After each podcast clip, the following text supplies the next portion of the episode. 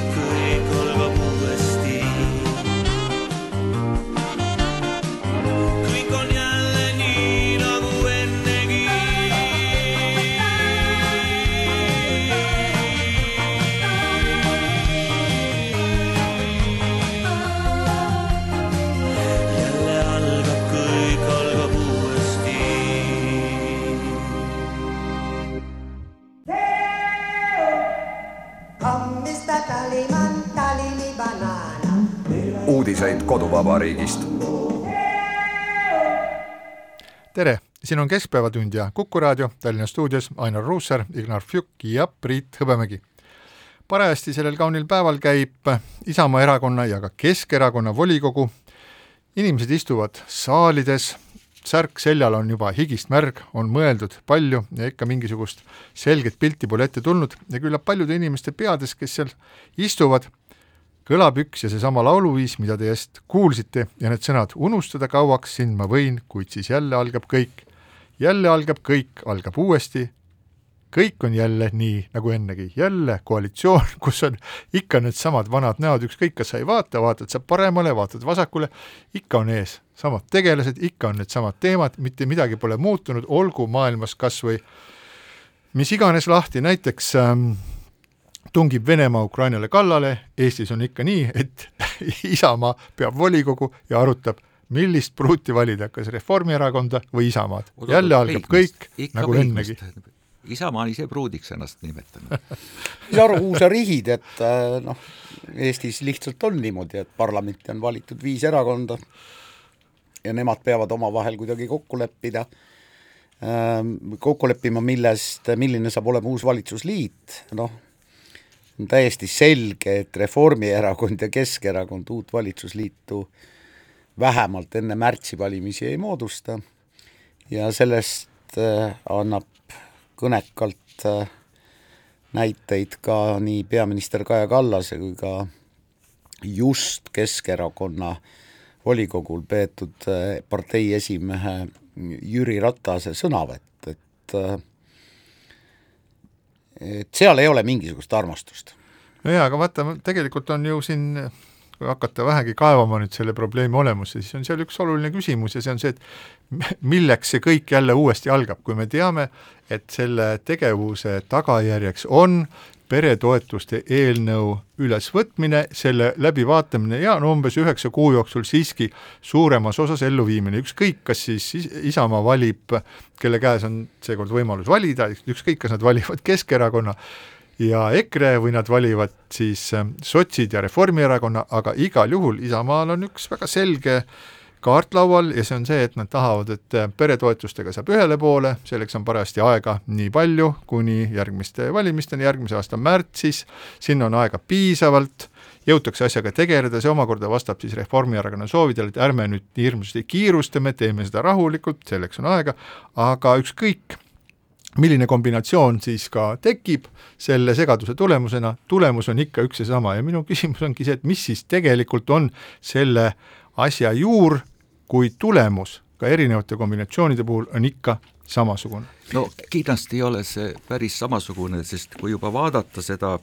nii-öelda Isamaa valikut, kui ühel pool on siis nagu Reformierakond ja teisel pool EKRE nagu öö ja päev, nii et see valik nendel on niivõrd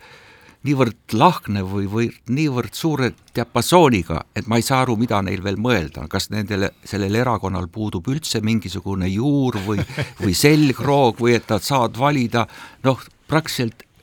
Venemaa ja ma ei tea, islami vahel või tähendab, mis on see point? Ja üldse vaadata, et kuidas me nüüd tänasesse olukorda oleme jõudnud, et et valitsusest visati üks erakond välja ja me oleme nüüd sellises kummalises äh, laupäevas, kus kaks erakonda peavad oma volikogu ja just nagu sealt mingisugune Eestile kasulik otsus tuleb, siis kõik ju oli ainult selles, et üks erakond, kes oli valitsuses, minetas aumehelikkusega ja seda, mis oli valitsuses kokku lepitud, Riigikogus ei järgitud, no ma olen, on ka Riigikogus äkki sa tahad koguni nimetada asju nende õigete nimedega? ma olen ka olnud Riigikogus ja ma tean, et, et sageli juhtub niimoodi, et valitsuses olev mingi üks partneritest loobub mingisugusest öö, oma varasemast seisukohast, aga see klaaritakse valitsuses ära ja see eelnõu siis võetakse Riigikogu päevakorrast välja. aga et nüüd sellisel kujul seda lahendada, see lihtsalt näitab, et poliitilise kultuuriga on Eestis halvasti, kuid see ei tähenda, et me peaksime kogu tänase nii-öelda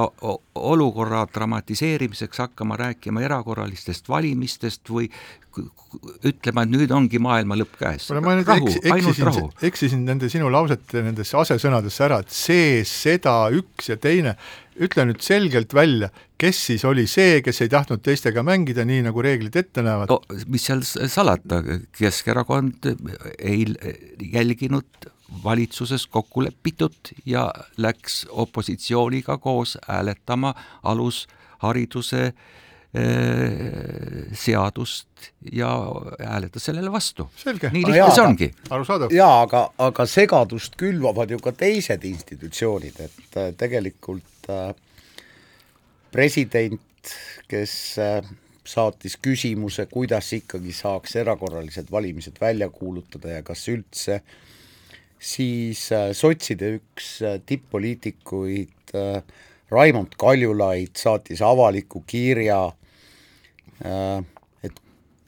kes seletaks parlamendiliikmetele, mida tähendavad erakorralised valimised ja kuidas neid välja kuulutada, ehk siis noh, segadust tuleb ja segadust külvatakse nagu järjest juurde no.. mina ei näe küll põhjust,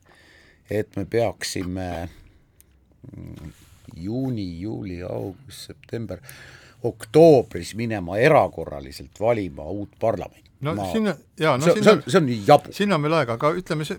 noh, selle sinu jutu peale ma ütleks seda, et see, et president teeb sellise küsimuse, et see on minu meelest täiesti normaalne, ega on ju arusaadav, et kui meil ei ole sellis-, sellisel kombel tekkinud erakorralisi valimisi olnud, siis peab ju selge olema, et antakse, president esitab selle kohta nagu pärimise ja siis talle vastatakse ja ja me nüüd seda vastust, mis siis president saab, et see on selline no kuidas öelda, nagu põhidokument või alusdokument, millele me kõik saame tugineda, nii poliitilised parteid kui siis ajakirjanikud kui äh, valijad. seda ei, ei ole Eestis kunagi varem olnud ka. just nimelt, et ei teki enam seda, jälle seda olukorda, nagu sa ütlesid, Kaljulaid räägib ühte asja ja siis räägib äh,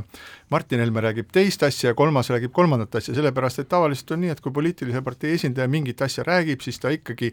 räägib seda asja nii, nagu see talle on kasulik ja esitab seda, seda varianti, mis näitab tema seisukohta tugevamana, aga teised äh, seisukohad on kõik olemas, ta ei ütle, et neid pole ega, ega ei äh, neid saab ignoreerida, aga ta lihtsalt ei too neid välja. Ja sellepärast ongi, see on, tõde on üks, aga seda tõde saab esitada väga mitmel erineval viisil, sellepärast mulle meeldib, kui väga kõrged institutsioonid nagu äh, Eesti Vabariigi president esitab selge küsimuse ja institutsioonid talle vastavad, siis me saame edaspidi öelda jah, see asi käib nii ja me ei pea lugema seal Äh, Facebookist erinevate poliitikute omakasupüüdlikke seisukohti, et kuidas see päriselt käib või kuidas see päriselt ei käi, et selles mõttes oli muidugi väga huvitav, oli, oli ka väga pikaaegse ähm,, väga pikaaegse Riigikogu esimehe Eiki Nestori üks Facebooki postitus, kus ta muuhulgas siis kirjeldas seda, et äh, parlamendis otsuste vastuvõtmise protseduuri ja muuhulgas siis ütles ka seda, et äh, see äh, seaduseelnõu, alushariduse seaduseelnõu, mille siis Keskerakond koos opositsiooniga kokku klopsis ja viskas nii-öelda otse ette hääletamisele, siis Nestor, kui ma nüüd õigesti temast aru sain, ütles, et parlamendi sisekorra järgi on, peab see minema kõigepealt valitsusele ja valitsus oli, valitsusel on see, seejärel viis nädalat aega see, selle üle mingisugune seisukoht äh, välja haududa ja seda marineerida ja siis öelda. aga praeguses seisukorras me nägime niimo-, nägime sellist olukorda, kus eelnõu visati välja, viidi kohe saali ja siis hakati selle üle suurt kisa pidama, ehk teiste sõnadega, kas seal, nii nagu vähemasti Eiki Nestor väidab, oli oluline protseduuri rikkumine, mida, mille järgi siis tema äh, mõttekäiku arendades võiks öelda, et see kogu see kohu ja jama ja mullitus, mis on üles aetud, et see on tehtud äh, protseduuri rikkumise kaudu ja võiks öelda selle kohta, et sellel pole üldse mingisugust jõudu, et see ongi selline lihtsalt vaht nii nagu president oma küsimuse esitamisega erakorralistest valimistest, ka Priit, sina saatejuhina sellele nagu asetasid nagu üsna olulise rõhu ja ma just nagu siit jätkakski, et tõepoolest, millegipärast on ühiskonnas nüüd viimased paar nädalat kerkinud väga tõsiseks teemaks erakorraliste valimiste läbiviimine. kuigi ma ei saa päris aru, kust see tuli ja miks see tuli, sellepärast et sisulist vajadust sellest ei ole. Tegelikult mina ei näe ühtegi nii-öelda olulist valimiste teemat, mis oleks nii-öelda nendes valimistes läbivaks, mis muudaks, annaks mingisuguse uue restardi või mingisuguse uue mõtte Eesti arengule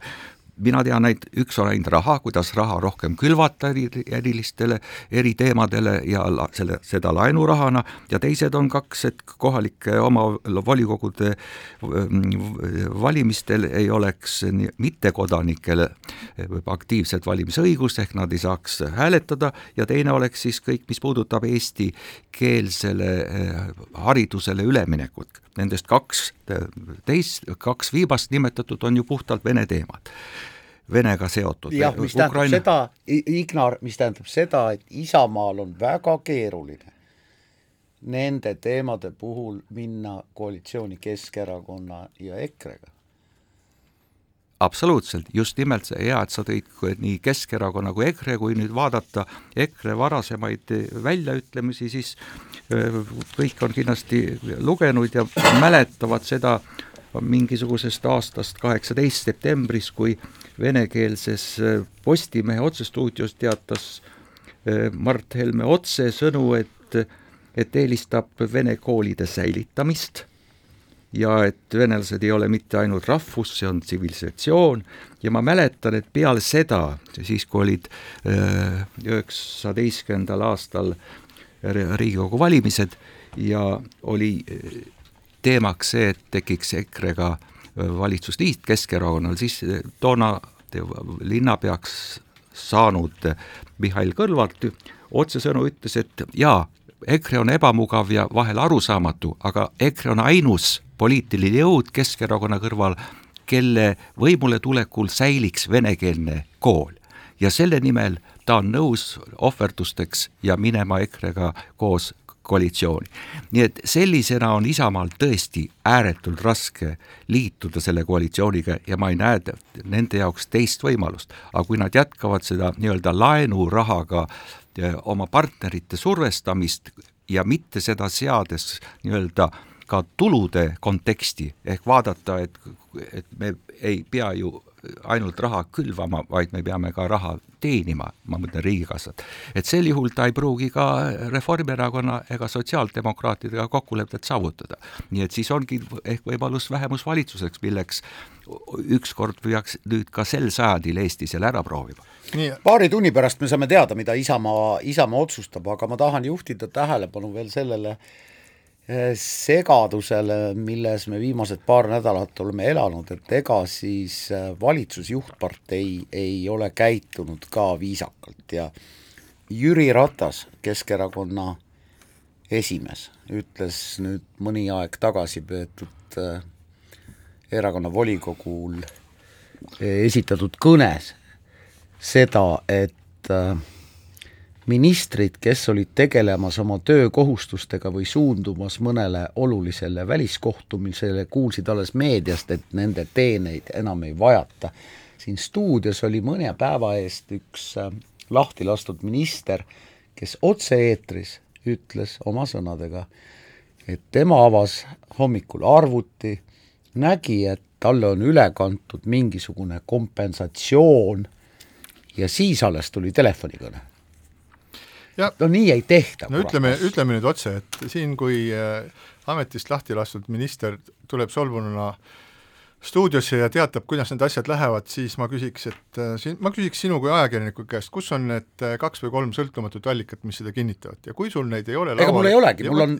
okay, eksministri sõnad otse-eetris. ja, ja sellepärast, kuna meil ei ole selle kohta sõltumatuid allikaid, siis me ei saagi nagu öelda, et kas see on, kas see on tõsi või ei ole, sellepärast et ma tahaks näiteks näha seda, no ütleme niimoodi, et koopiat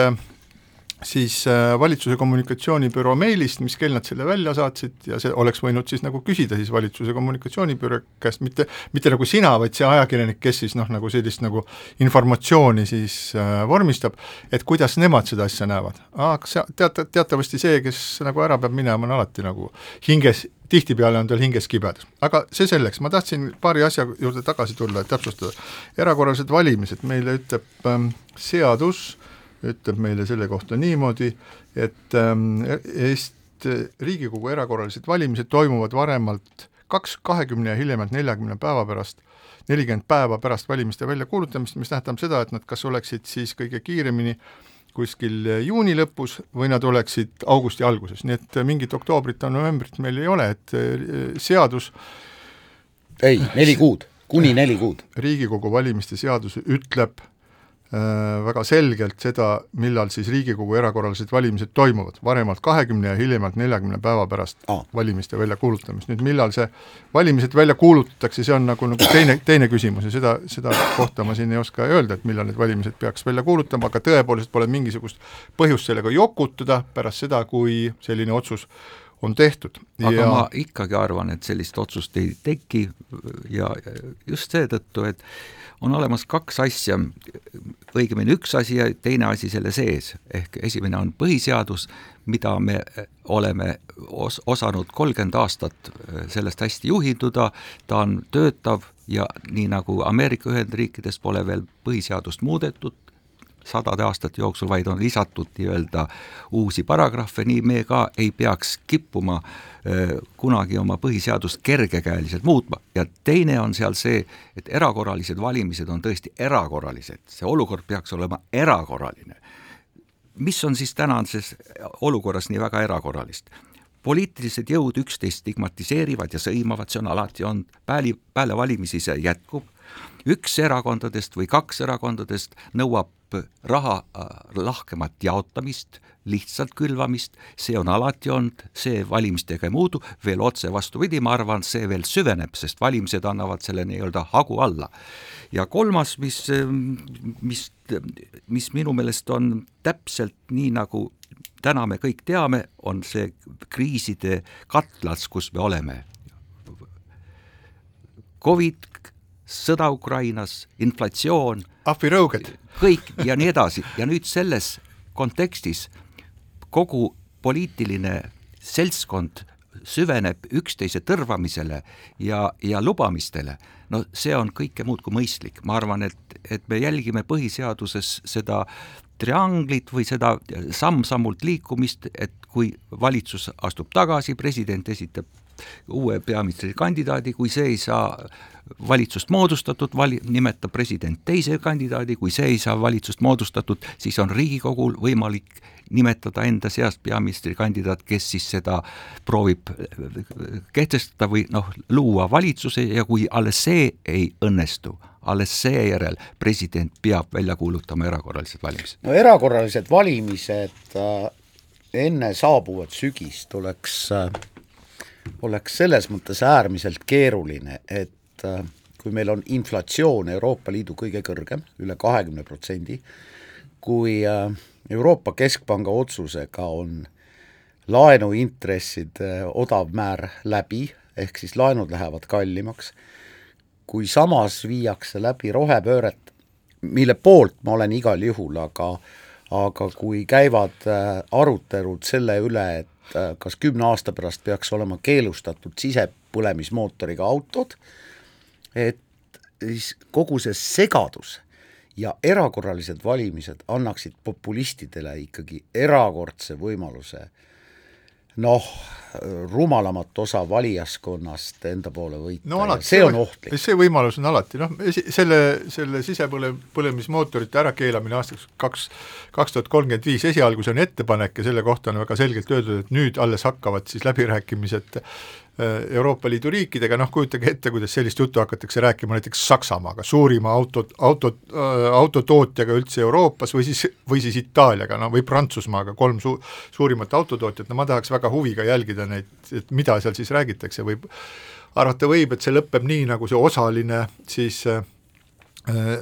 kivisöe osa, kivisöe kasutamise osaline lõpetamine umbes, ma ei tea, miljoni aasta jooksul või midagi taolist, et ega need asjad siis lõppkokkuvõttes nii, nii kiiresti ka ei käi. nüüd see, et on, sa lugesid ette palju selliseid ebameeldivaid asju, mis praegu maailmas on, aga aga no mis ma sulle võin öelda, et maailm ongi selline, et aeg-ajalt ongi, mõnikord ta on niisugune sujuv ja mõnus ja sa tunned nagu rõõmu päiksest ja kõigest, mis on tore, ja siis on ta teinekord on jälle erakordselt vastik, segane, kurjad inimesed kerkivad esile, teevad halbu asju, nagu praegu mingid hullumeelsed, kes toovad eh, siis esile kolmsada aastat vanu kontseptsioone ja räägivad, et riigid saavad kas valitseda teisi või olla ise valitsetud ja kolmandat mingisugust varianti üldse ei ole olemas, ja maailm siis eh, kuulab ja kannab kannatab selle kõige all ja varastatakse, tapetakse inimesi, vägistatakse süütuid inimesi, varastatakse nende vilja, nende varandust ja ühesõnaga see, see on, see on tõepoolest õudne aeg, et tegelikult ma saaksin aru, et kui me oleks antud juhul mingisugune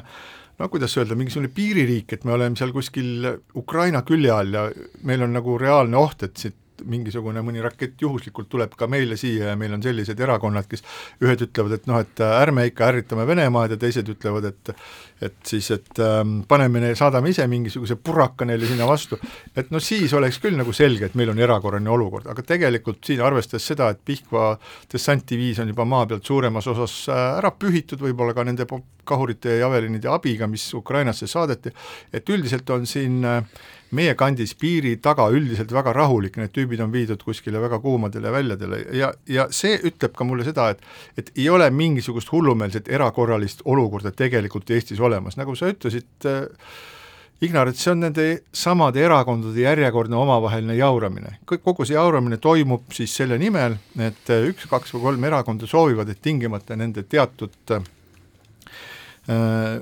punktid läheksid, viidaks ellu, on see siis ähm, aktsiiside langetamine või siis äh, või on siis ähm, eestikeelne kool või on see midagi muud, osa nendest asjadest on inimestele head selleks, et äh, rohkem raha jääks taskusse, teised on inim-, teised on riigile tervikuna head selleks, et Eesti rahvusriik ja keel kestaksid läbi aegade ja nii edasi ja nii edasi, aga ühed on pikemad, teised lühemad eesmärgid, aga mingit erakorralist olukorda erakorraliste valimiste väljakuulutamiseks meil tegelikkuses siiski ei ole ja siinkohal väike paus. keskpäevatund.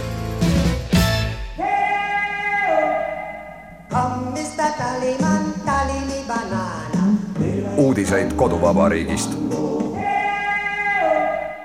keskpäevatund jätkab, Ainar Ruussaar, Ignar Fjuk ja Priit Hõbemägi, ilus päikesepaisteline laupäev Tallinnas ja üle Eesti. räägime natukene haridusest ka ja tõepoolest selle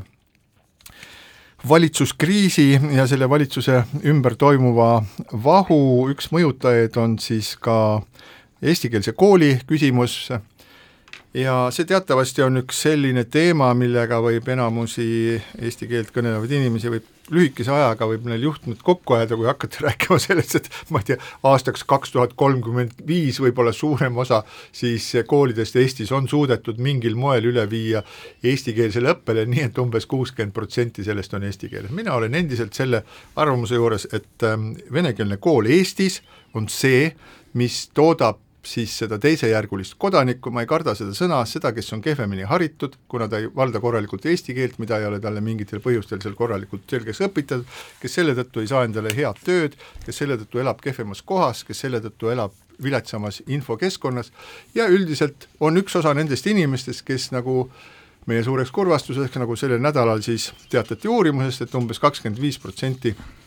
Eestimaa elanikest toetab Vladimir Putini rõvedaid vallutusi Ukrainas ja kallaletungi Ukrainale, no mis oli selline täielik šokk, aga oleme nüüd täiesti ausad selles mõttes, et venekeelse kooli olemasolu on selliste inimeste, selliste suhtumiste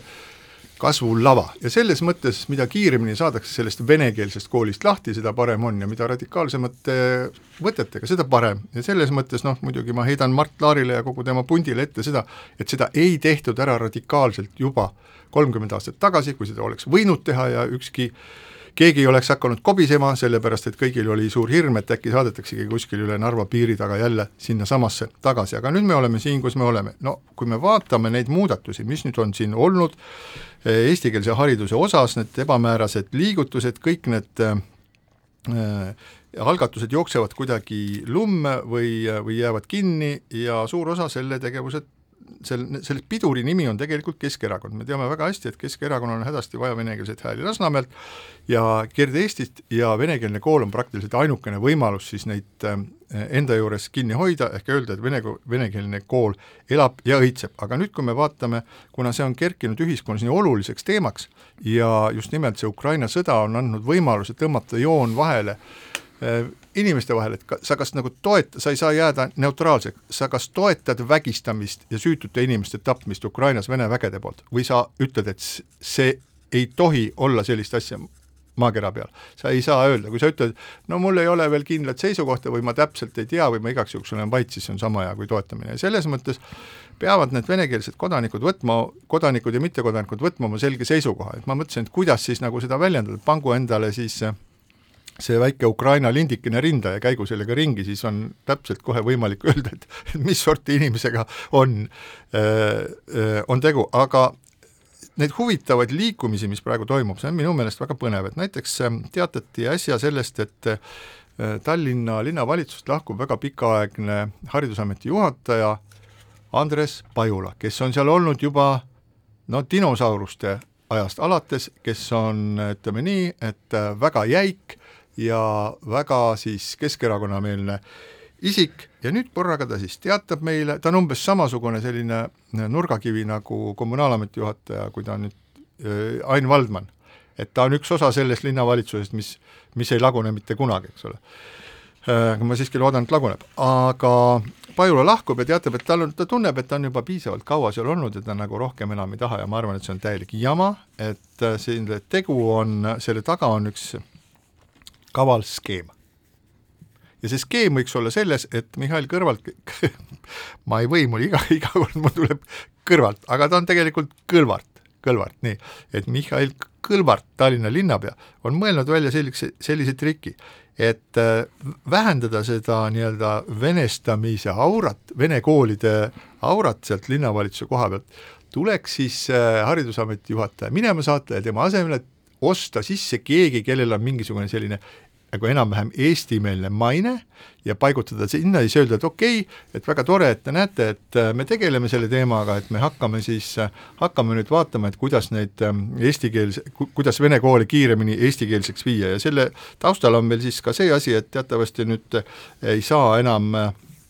kooliõpetajaks muidu, kui sul peab olema siis need äh, kõrge, kõrge taseme eesti keele oskus, et enam ei ole nii, et okei okay,, et ma lähen sinna mingisugusele spetsiifilisele tööle kuskile kooli ja siis ma ikkagi eesti keelt ei oska, nii et mingisugused muudatused on ja ma arvan, et siin ka suhteliselt kaval selline poliitiline mäng käib, sellepärast et äh, linnapea on ise pikka aegu kureerinud haridusaladel, teab väga hästi seda, et just nimelt see vene koolide teema on see, millega mängida siis oma valijate hingekeeltel ja minu meelest ta nüüd äh, ehitab ühte väga, punub väga kavalat sellist skeemi selleks, et et äh, kui vene keeles on äh, mitmesuguseid väljendeid selle kohta, aga ühesõnaga eesti keeles kõlab see nagu palju tsiviliseeritumalt, et istuda korraga kahel toolil. no probleem on jah, Priit, sa rääkisid väga pikalt, aga probleem on tegelikult ju selles, et Eesti riik, nagu sa ka viitasid,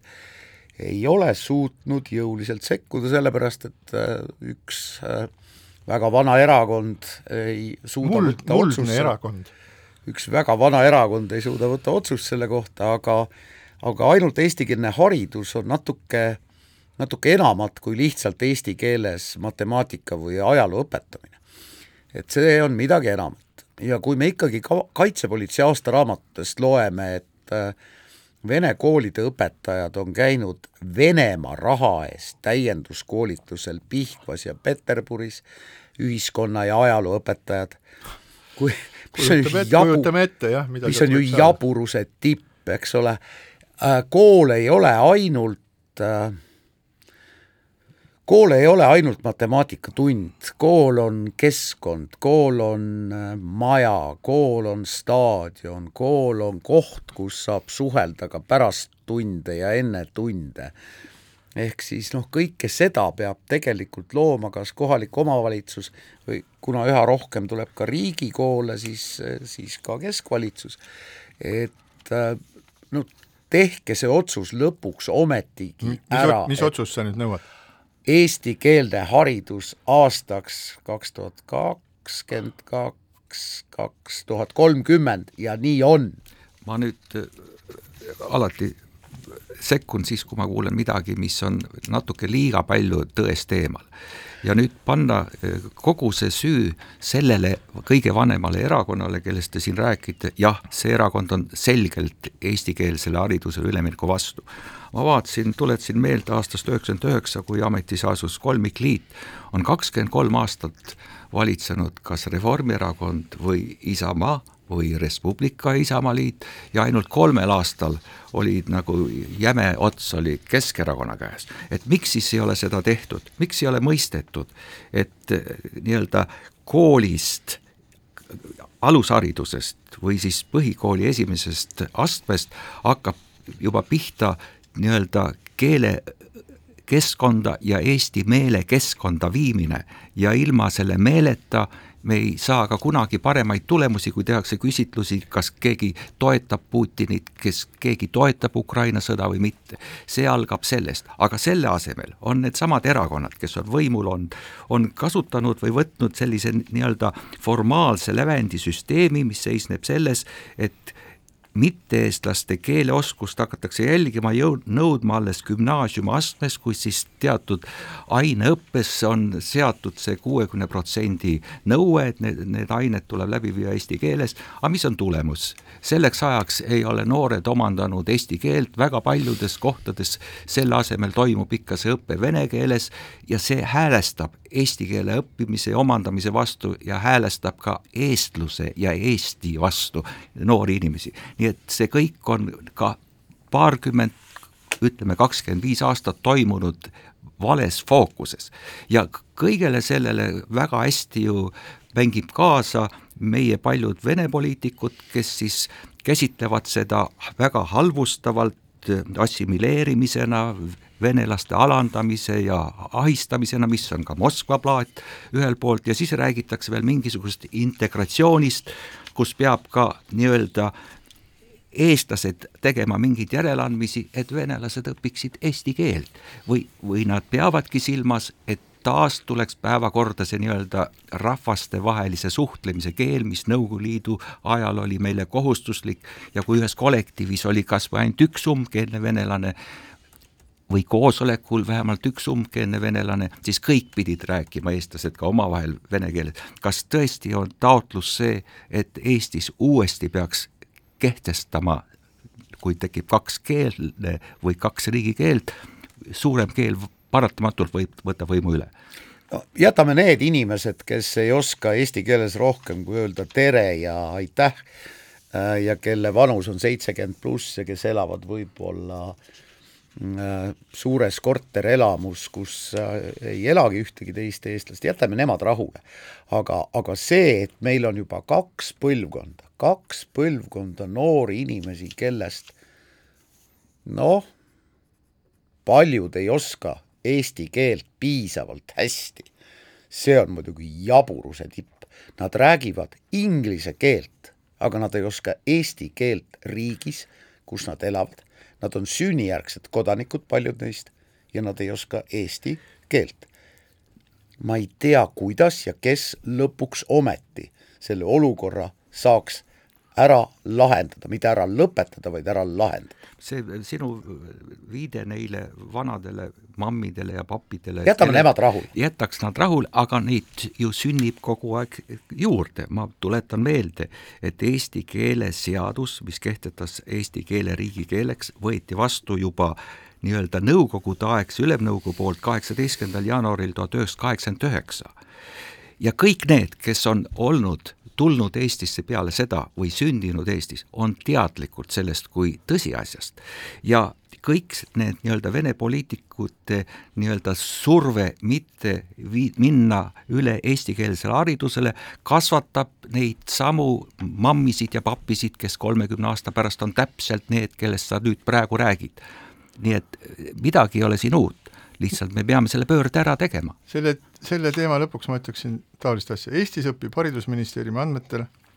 praegu sada kaks tuhat põhikooliõpilast. põhikoolides peab õpetama kahte võõrkeelt. Need on A ja B võõrkeel, A võõrkeelena õpetatakse siis inglise, prantsuse, saksa või vene keelt. nüüd kuulake, kokku on meil siis sada kaks tuhat põhikooli õpilast, vene keel on teiseks ja ainsaks, vene keel on ainsaks kohustuslikuks võõrkeeleks, B-võõrkeeleks käesoleval õppeaastal kahesaja kahekümne kolmas, kolmes koolis ja seda õpib Haridusministeeriumite andmetel nelikümmend üks tuhat kakssada kaks õpilast õpib Eestis esimese B-võõrkeelena ja ainsa võõrkeelena vene keelt. Ja ma küsin, miks nad õpivad vene keelt? praeguses sõjas visatakse Venemaa kolmkümmend aastat arengust tagasi, ei tule mingit suhtlemist, ei tule mingit äri ega mingit kultuurivahetust ei tule. Ja ärge hakake Puškinist rääkima, palun väga kohalikud peavad oskama, kohalikud vene keelest, venekeelsest keskkonnast pärit inimesed peavad oskama eesti keelt, seda ütleb meie põhiseadus, meil on oma vabariik, vabariik ja eesti keeleseadus. miks me õpetame vene keelt, mis eesmärgil? Eesti lastele, neljakümne tuhandele Eesti lapsele, kes on sunnitud seda õppima. sel pole absoluutselt mitte mingit vajadust. sellega pole midagi peale hakata, Venemaaga me suhtlema ei hakka, maailmas on see keel suhtutakse sellesse juba vastikustundega ja ka venelased püüavad inglise keeles läbi ajada ja ma tahaks teada, et millal ometi valitsuse tasemel ja Haridusministeeriumi tasemel see küsimus tõuseb üles, miks õpetatakse neljakümne tuhandele Eesti lapsele vene keelt jätkuvalt edasi praeguses olukorras, palun, ootame vastust. vaenlase keelt tuleb osata. see on jama ja see on nali, ei ole vaja seda keelt. ja siinkohal väike paus. keskpäevatund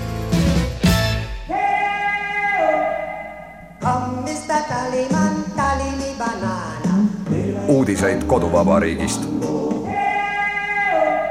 ja Keskpäevatund jätkab, Ainar Ruussaar, Ignar Fjuk ja Priit Hõbemägi, mõtlesime, et räägiks siia lõpupoole veel sellest, et transpordis valits-, paistab valitsevat täielik segadus. bussid on täis, rongid on täis, lennukid, noh, lennuk, suurem lennuk, mis Kuressaarde käib, on ka puupüsti inimesi täis, kuigi sinna mahub juba üle viiekümne inimese, paistab, et asjaolud on sellised kui tuli koroona, saadeti koju piloodid, saadeti koju veoautojuhid, saadeti koju turvatöötajad turva, lennujaamas. jah, turvatöötajad, trammijuhid, kõik saadeti koju, meil ei ole inimesi vedada ja minge ja puhake jalga nii kaua ja siis paari aasta pärast, kui kõik see jama läheb üles, kutsume teid tagasi. nüüd siis oleme selles olukorras, kus maailm on uuesti avanenud, Jaapan on avanud oma piirid, Itaalia kutsub kahel käel vastu, kutsub kahel käel külalisi, turiste, kes juba on hakanud seal antiikmälestistele kahju tekitama, sellepärast neid on lihtsalt nii palju, võtavad liiga palju napsi ja sõidavad, sõidavad suurtest, sõidavad, sõidavad treppidest, sõidavad äh, skuuteritega alla. Ja häda nendega on, aga tegelikult on siis küsimus siiski selles, et maailm siiski ei toimi niimoodi, et sa lõhud mingisuguse olemasoleva süsteemi ära, saadad inimesed koju, ütled kahe aasta pärast kutsume siis võib-olla teid tagasi, aga noh, pidage nii kaua vastu, siis kui sa neid uuesti tahad palgata, tuleb välja, et nad on juba mingisuguse uue ameti leidnud ja nad ei tule kohale. Ja praegu ongi nii, et osades sektorites on, on suur tööjõu puudus ja miskipärast globaalselt on siis nii-öelda turvatöötajatest puudus just nimelt lennujaamades. jah, ja, ja, ja noh, kui ikkagi lugeda uudist, et äh, mitte maailma kõige suurem lennujaam, Dublini lennujaamas, oli kaks päeva tagasi nelja ja poole tunnine, te kuulsite õigesti, nelja ja poole tunnine järjekord selleks, et läbida turvaväravat, noh siis on ikkagi tegemist absurdiga. Äh, ja noh, lennundus on spetsiifilisem asi, et et vot, vot lennujaama personali hulka ikkagi värvatakse või võetakse inimesi, kes on eelnevalt läbinud mitte ainult turvakontrolli, vaid ka koolituse, ehk siis kui te talvel maandute lennukiga ükskõik millisel lennujaamal, kus on natukenegi lund ja näete kedagi kühvliga seal seda lund lükkamas, siis ei ole see lihtsalt kühvlimees. ta on läbinud äh, turvakontrolli ja erikoolituse selleks, et ta saaks seal lennuväljal kühvliga lund lükata. aga nelja poole tunnine järjekord selleks, et, et panna oma, oma kohver sinna turvalindile ja, ja minna läbi selle valgustusvärava, see on midagi uut. olen rääkinud bussiettevõtjatega, kes ütlevad, bussid on sageli puupüsti täis pileti hind ei kata mitte mingil määral ära seda kütusekulu, äh, sest kütus on kasvanud, kütuse hind on kõvasti kasvanud, pileti hind ei ole kasvanud. ja, ja tegelikult see transport ja transpordisektor, mitte ainult Eestis, vaid üle kogu maailma, on ilmselt üks neid probleeme, mida, mis tuleb meile kaela veel koos sügiseste äh, kütusehindadega ja gaasi, gaasihindadega ja küttehindadega ja elektrihindadega minu meelest on äh, see hea uudis, et Dublinis oli neli pool tundi järjekord. kuidas palun äh, selles mõttes, et kui ma, kui see uudis oleks olnud niimoodi, et tundus, et tuleb nelja poole tunnine järjekord, aga see läbiti kolme tunniga, mis tähendab seda, et oleks kuidagi lihtsustatud seda turvakontrolli. et, et jälgitakse lõpuni teatud valdkonnas nõudeid ja, ja seda, kuidas töö peab olema korraldatud. no jaa, vaata, ju, vaata see... juudi riigis on kõik äh, väga lihtne ja väga korras, seal öeldakse, lennujaama tulebki tulla kolm tundi enne lennuki välja arvatud laupäeval, sest laupäeval lennujaamad ja lennukid ei lenda. alates reedel kella kolmest. täpselt, aga, aga nüüd see, see teema võiks nagu laiemalt võtta, et esiteks see ei ole nüüd ainult Eesti teema, vaid see on igal pool maailmas seoses selle Covidiga, aga see viitab või näitab meile, et kui nii-öelda suurtes süsteemides tehakse mingisuguseid selliseid suuri olulisi muudatusi, siis selle nii-öelda tagasikeeramine on väga ajamahukas ja alati ei pruugi ka õnnestuda. Ja siin meil tasuks vaadata kahte teemat, üks on tasuta transport, mis nüüd seoses selle inflatsiooni ja hinnatõusu ja energiakandjate hinnatõusuga varsti muutub nii-öelda mitte meile võimete kohaseks. Ja teine on tasuta kõrgharidus, mis nüüd paar, ligi kümmekond aastat on näidanud, et, et iga aastaga see võimekus saada professionaalseid õpetajaid või motiveerida noori paremini õppima ja valima juba õige eriala, et see kohe kahaneb ja ühel hetkel me peame need muutused sisse viima, aga suurte süsteemide tagasimuutmine, see on väga keeruline ma tahaksin selle saate lõpuosas rääkida veel ühest suurejoonelisest ideest teha Pirita, Pirita kloostrile klaasist viilkatus, vabandage, et ma hakkan naerma, aga see on, see on sellepärast, et no see on umbes nii, kui kui kunagi oli Nõukogude Liidus äh, üksteise järel ära surnud juba mitu riigijuhti ja siis äh, olevat tulnud diktor televisiooni ja ütles, et äh, lugupeetud kuulajad, et äh, et te mäletate, et aasta tagasi sai NLKP Keskkomitee poliitbüroo esimeseks sekretäriks äh, Konstantin Tšernenko, te hakkate kindlasti naerma, aga ka tema on ära surnud nii et iga natukese, iga paari aasta tagant kerkib kuskilt üles selline idee, et Pirita kloostri varemetele tuleb teha katus. et noh, Pirita kloostri varemed on niivõrd massiivsed, et need, kes on näinud siis Viimsete liikvijat, need ju äh, võib-olla neil on siis silma ees see pilt, kus oli seal nii-öelda näidati äh, maketti Tallinna linna poolt vaadates filmiti Käsmus muidu. just nimelt, ja näidati maketti, mis oli palju väiksem, aga siis, siis oli, sealt oli võimalik näha, kui kolossaalne hoone see on ja tõepoolest, ma olin isegi huvi pärast, ma tegin ükskord kuskilt sealt äh, Pirita silla lähedalt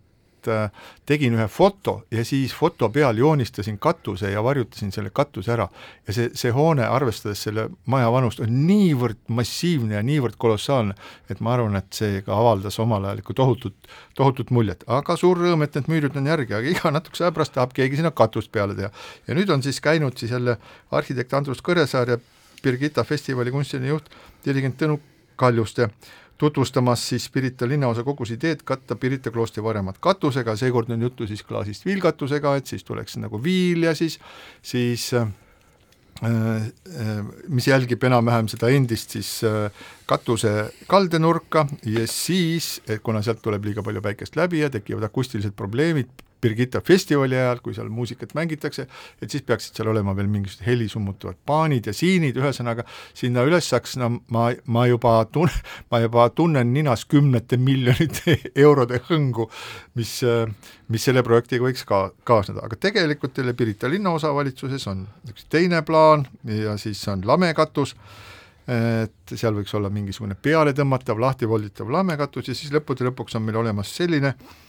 selline asi, et ähm, muinsuskaitse tingimuste järgi ei tohi sinna praeguse seisuga üldse mitte midagi, mingisuguseid asju juurde ehitada, see on muinsuskaitsealune